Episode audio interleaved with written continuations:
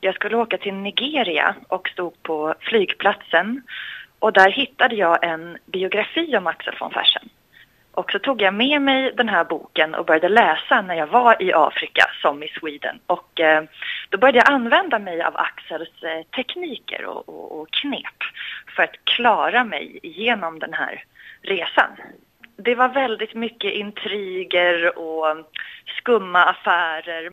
Man förstod inte alltid vad som pågick och då gällde det att inte, att inte gå in i de här uh, olika uh, intrigerna utan hålla liksom en sval diplomatisk yta. Och jag är ganska känslosam själv, men Axel han är ju mycket svalare än jag så att jag gick liksom runt och lekte att jag var Axel. Och så kunde jag också bli allas vän för att jag var väldigt diplomatisk. Eh, på ett sätt som Axel är väldigt bra på. Han är bra på att, ja, att kanske inte berätta hela tiden vad han tycker och tänker, för det gör jag. Men det här är intressant att han var så sval som person samtidigt som han hade en sån tjuskraft på kvinnorna. Ja, han var mycket passionerad också. Så att det, det är en väldigt fin eh, blandning. Han, han har ett väldigt rikt inre liv. Men, men det är det här att han, han säger jag anlade en nöjd och likgiltig min. Alltså både nöjd och likgiltig samtidigt. Men inombords då, då hade han känslor, särskilt för drottningen. Marie Antoinette. Mm. Ja, Marie Antoinette. Mm. Mm. Du har läst hans dagbok. Ja, precis. Eh, när jag kom hem eh, ifrån den här Miss Sweden-upplevelsen jag var även i Kanada och blev eh, skådespelare. Då började jag läsa hans riktiga dagbok för att jag ville verkligen komma nära honom. Jag ville inte att någon annan eh, skulle tolka Axel åt mig och det var ju då jag blev riktigt förtrollad. Var ligger då 1700-talscharmören Axel von Fersens dragningskraft? Vi hör Caroline Donat igen. Det är många saker, men det är att han han hade en förmåga att hela tiden hamna i spännande situationer. Att eh, det här är någonting jag faktiskt aldrig brukar säga men jag lever ganska så alkoholfritt och drogfritt. Och med Axel som inspiration då kan man få vara med om otroligt spännande saker, stora upplevelser, alltså helt naturligt. Med Axel som kanske begav sig ut på häst och red och eh, skaffade något kärleksäventyr. Det är så att säga mycket bättre och också mycket hälsosammare. det, det, är faktiskt en, en personlig, en av anledningarna. Eh, som jag inte har sagt till någon annan tidigare. Det är första gången här i Finland svensk radio som jag säger det faktiskt. Du lär nu ut, alltså den, din vänskap då, eller vad vi ska säga, ditt förhållande till Axel von Fersen. Du har redan tidigare haft en monolog. Eh, du bjuder in till en charmkurs med Axel von Fersen och nu har du också en platinumversion av det här och du hade turnépremiär förra veckan. Mm. Ja. ja och vad är det du lär ut då i just den här charmkursen? Ja, jag lär ut eh, tips och tekniker för framgång direkt från 1700-talet. Jag kallar också för praktiska och opraktiska kompetenser för vardagen. Mm. Kan du ge lite tips på hans knep?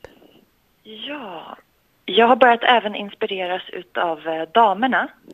Så en likhet mellan Axel och Marie Antoinette det är att de spelar lite nonchalanta och ändå ger eh, mycket uppmärksamhet. Så att eh, Marie Antoinette hon ropade när Axel kom tillbaka en gång, han hade varit borta länge, då satt hon och spelade harpa. Och när han kom in i salongen så sa hon, åh, en gammal bekant! Och sen fortsatte hon att spela. Och det är ett väldigt fint sätt att ge någon väldigt mycket uppmärksamhet och sen också lite lekfullt eh, på ett väldigt, ganska snällt sätt vara nonchalant. Eh, en annan sak är att Axel anstränger sig väldigt mycket men han brukar skriva att han byter häst.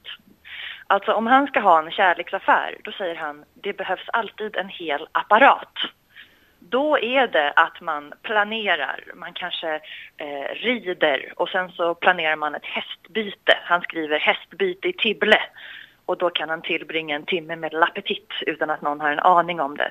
Så att, så att det är väldigt mycket så att man faktiskt också måste jobba lite grann för att få det att hända. Och det är någonting som många tycker är väldigt roligt, att hästbyte är det viktigaste tipset i hela charmkursen. La Petite, som Axel von Fersen träffade under täckmanteln av hästbyten, var en blivande svensk drottning, Hedvig Elisabeth Charlotta av Holstein-Gottorp. Hon beskrivs som kvick, charmig, gladlynt och frispråkig, helt enkelt en 1700-talets idealkvinna. Inte så konstigt att hon föll von Fersen på läppen. Hon gifte sig sedermera med Karl XIII men hur mycket av Axel von Fersen ska man då släppa fram i sig själv om man vill ta till sig hans knep? Så här säger Caroline Donat. Det går att använda alla, alla grader av Axel. Man kan ta Axel light och till exempel om någon försöker vara elak mot en då kanske man bara istället för att börja bråka med dem så kan man tänka de är inte värda, de är inte som Axel brukar säga älskvärda. Han tycker människor ska vara älskvärda. Och då bara så här, nej nu struntar jag i dem. Och då kanske man är 5% Axel eller 2% Men om man vill så kan man ju gå helt in. Man kan ju planera en liten resa till Versailles och tänka nu ska jag gå ut på Paris alla barer och se vad som händer. Så det, där, det är väldigt mycket så att alla får göra Axel till sin egen. Eh, det går att göra på många sätt. Det är helt, helt personligt. Den här föreställningen så, så dels så gästar du till exempel de museer men också arbetsplatser. På vilket sätt kan man ha nytta av Axel von Fersens knep på en arbetsplats? Um, det är ju mycket det här med en äventyrlig livsstil. Många gånger så kanske man rent slentrianmässigt bokar in ett möte eh, på kontoret. Ja men vad, vad, bra, ni kommer hit och så möts vi här på kontoret. Medan, medan Axel kanske snarare skulle ha tagit en promenad eller en, en tur till häst. Så att man kan få kanske nya kreativa idéer om man går lite utanför ramarna.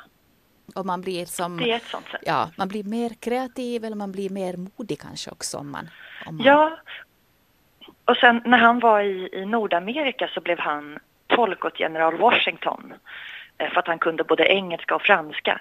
Så att eh, det är väl också det här att hela tiden vara öppen för, för nya möjligheter.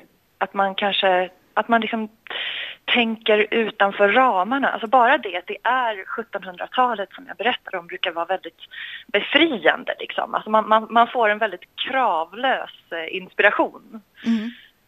Eh, jag står inte där och säger nu ska ni tänka i mål och nu ska ni tänka så här. Och, utan det blir bara liksom en sån härlig lek. Så att mycket av tipsen som skulle kunna hamna på en vanlig liksom, ledarskapsutbildning, presentationsteknik eller något sånt. Eh, det liksom kläs in i, i spetsar och, och siden och krig, kärlek, besvikelser. Så att det blir liksom som en, en arena för att få tänka själv, så kan man säga.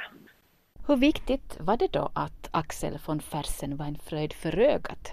Vi hör Caroline Donat igen.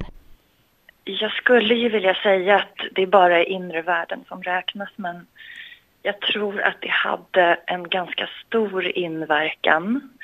Men desto viktigare tror jag var hans blick man sa att hans ögon var mörka och intensiva.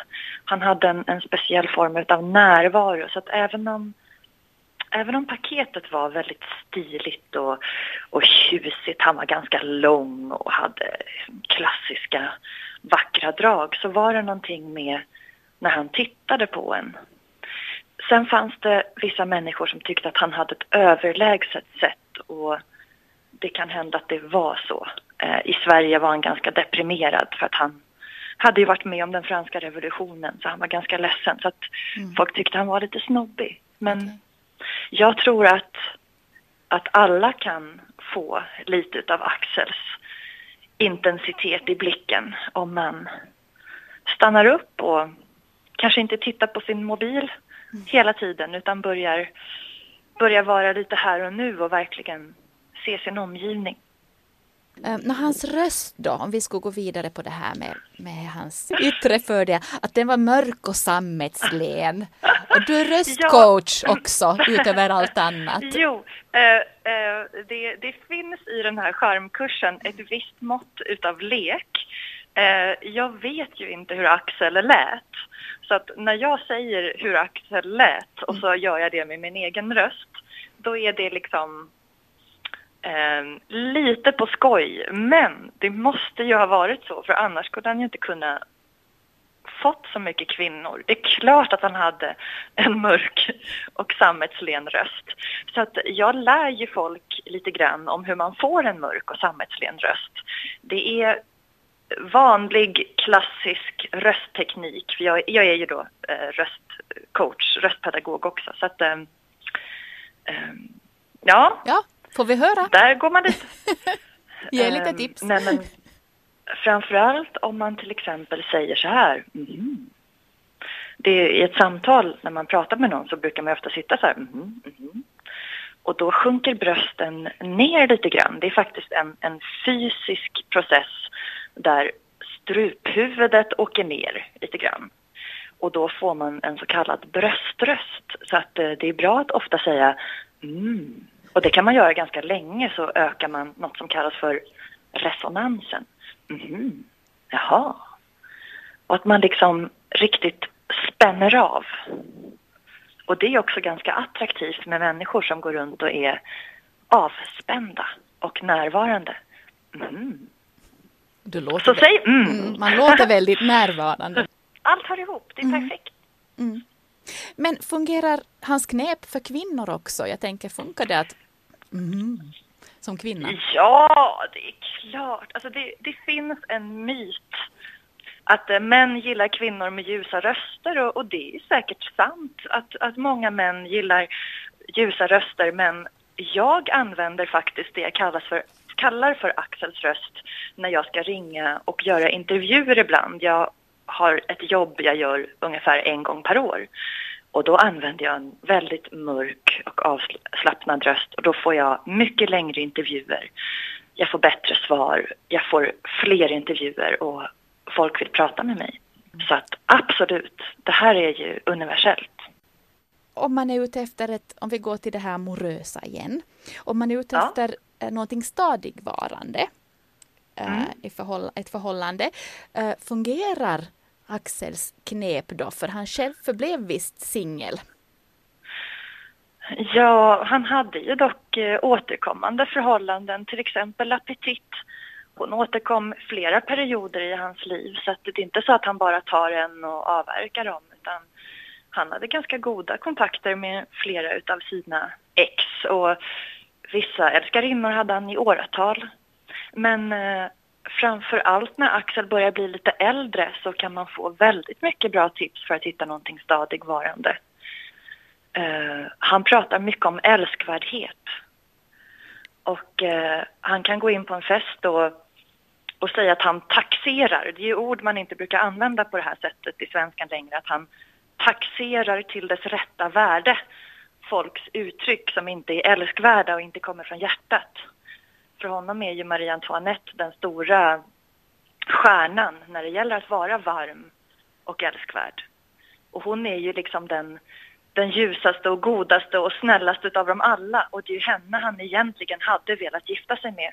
Men han sa, kan jag inte få henne så tänker jag inte gifta mig. Så det är någonting man verkligen kan tänka på. Eh, han säger, jag taxerar till dess rätta värde de här uttalandena. Och det tycker jag att man ska göra. Om man går ut, om man känner att någon kanske är lite falsk, då är det bara att lita på den magkänslan. Taxera dem till ett lågt värde och fortsätt inte att träffa dem. Ge dem inte en andra, tredje, fjärde chans. Det är Axel han litar på. Han litar på sig själv. Alltså han låter som han ska ha gått många kurser i Känn dig själv. Ja, det, det, det är det som är så fantastiskt. Han tvekar inte. Jag har många gånger tvekat. Oj, hur tycker jag? Hur ska jag känna? Hej och hå. Nej, nej, Axel, han bara går runt och är helt bestämd. Om han inte är det, då avvaktar han. Det var det som var så bra när jag var Miss Sweden i Nigeria. Att, hur ska jag tänka? Återstår att se. Det kan han skriva i dagboken. Det återstår att se det finns en axel för alla tillfällen kan man säga. Mm. Skrev han, tror du, bara för sig själv eller tänkte han på någon läsare? Jag tänker all den här livsvisdomen som han hade samlat på sig. Vad tror du?